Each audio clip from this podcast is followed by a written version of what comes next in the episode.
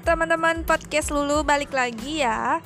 Aku ingin berbagi nih sama teman-teman tentang bagaimana sih caranya biar bisa punya kemampuan skill public speaking lah. Teman-teman kemarin sempat banyak yang nanya tuh datang ruang konseling ya.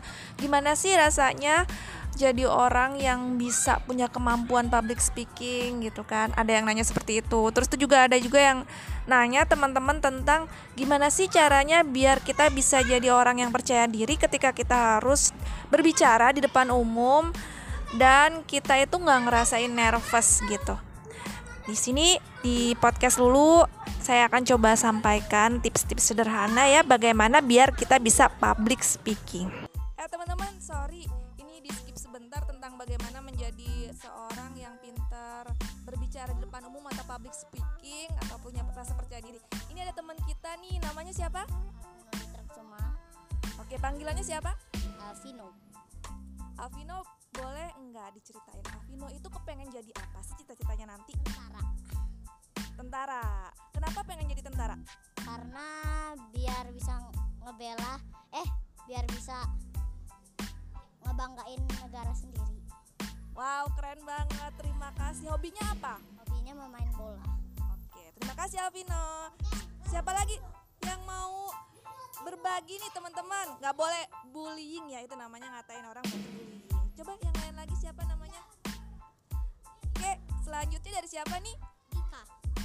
Dika, Dika bisa disampaikan cita-citanya pengen jadi apa? Cita-cita saya pengen jadi polisi. Wow, pengen jadi polisi. Kalau pengen jadi polisi itu gara eh, gara-gara apa ya? Karena bisa menjaga keamanan. Oh, biar bisa jaga keamanan. Kalau hobinya apa sekarang? Main bola. Main bola. Oke. Kelas berapa nih Dika sama tadi temennya ya? Tiga. Kelas 3 SD. Oke, terima kasih. Ya.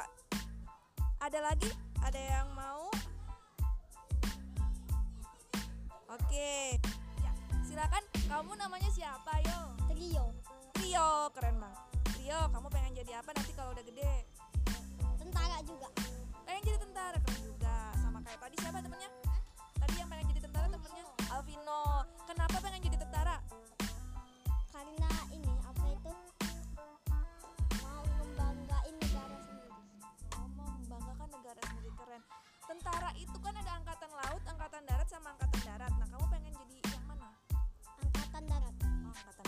Tercapai ya semua cita-cita teman-teman ini ya. Terima kasih udah mau gabung di podcast lu. Dadah. Nah, teman-teman tadi itu barusan sudah didengerin kan ya. Anak SD kelas 3 aja mereka punya rasa percaya diri yang bagus, kemudian punya public speaking. Ya mungkin teman-teman akan bilang ya wajar lah itu kan mereka masih SD gitu ya. Ya enggak juga ada banyak faktor membuat seseorang bisa percaya diri. Mungkin karena rasa percaya bahwa aman. Dan kemu kemungkinan juga karena pas saya pas konser dulu tanya sama mereka juga situasinya nggak ada siapa-siapa sih di depan mereka cuma ada saya aja sama teman-teman. Jadi percaya diri. Jadi ini suatu bukti ya bahwa sebenarnya semua anak itu punya kemampuan percaya diri. Ketika kita yakin dengan kemampuan kita kita berikan afirmasi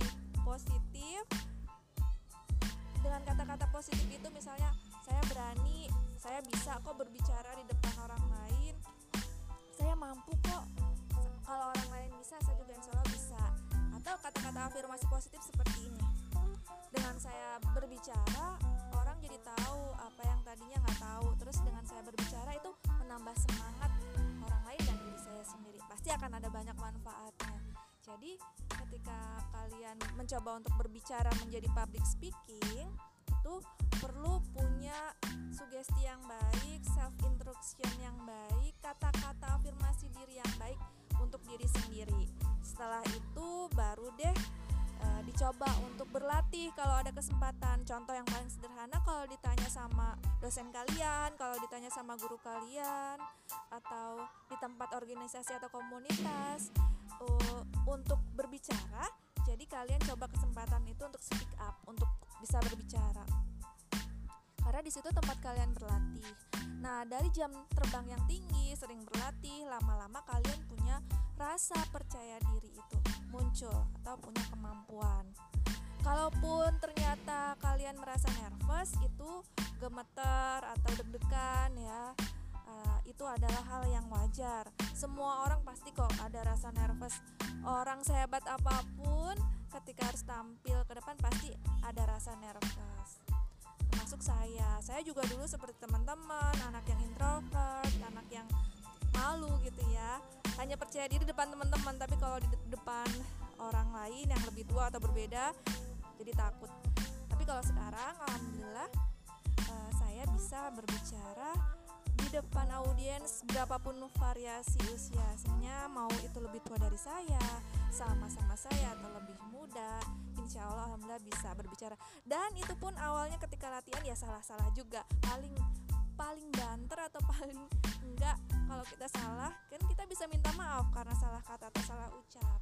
Dan buat ketawa juga buat audiens yang ada di sana. Tapi dari situ kita bisa belajar untuk bisa lebih punya kemampuan berbicara secara public atau public speaking gitu dulu tips dari saya.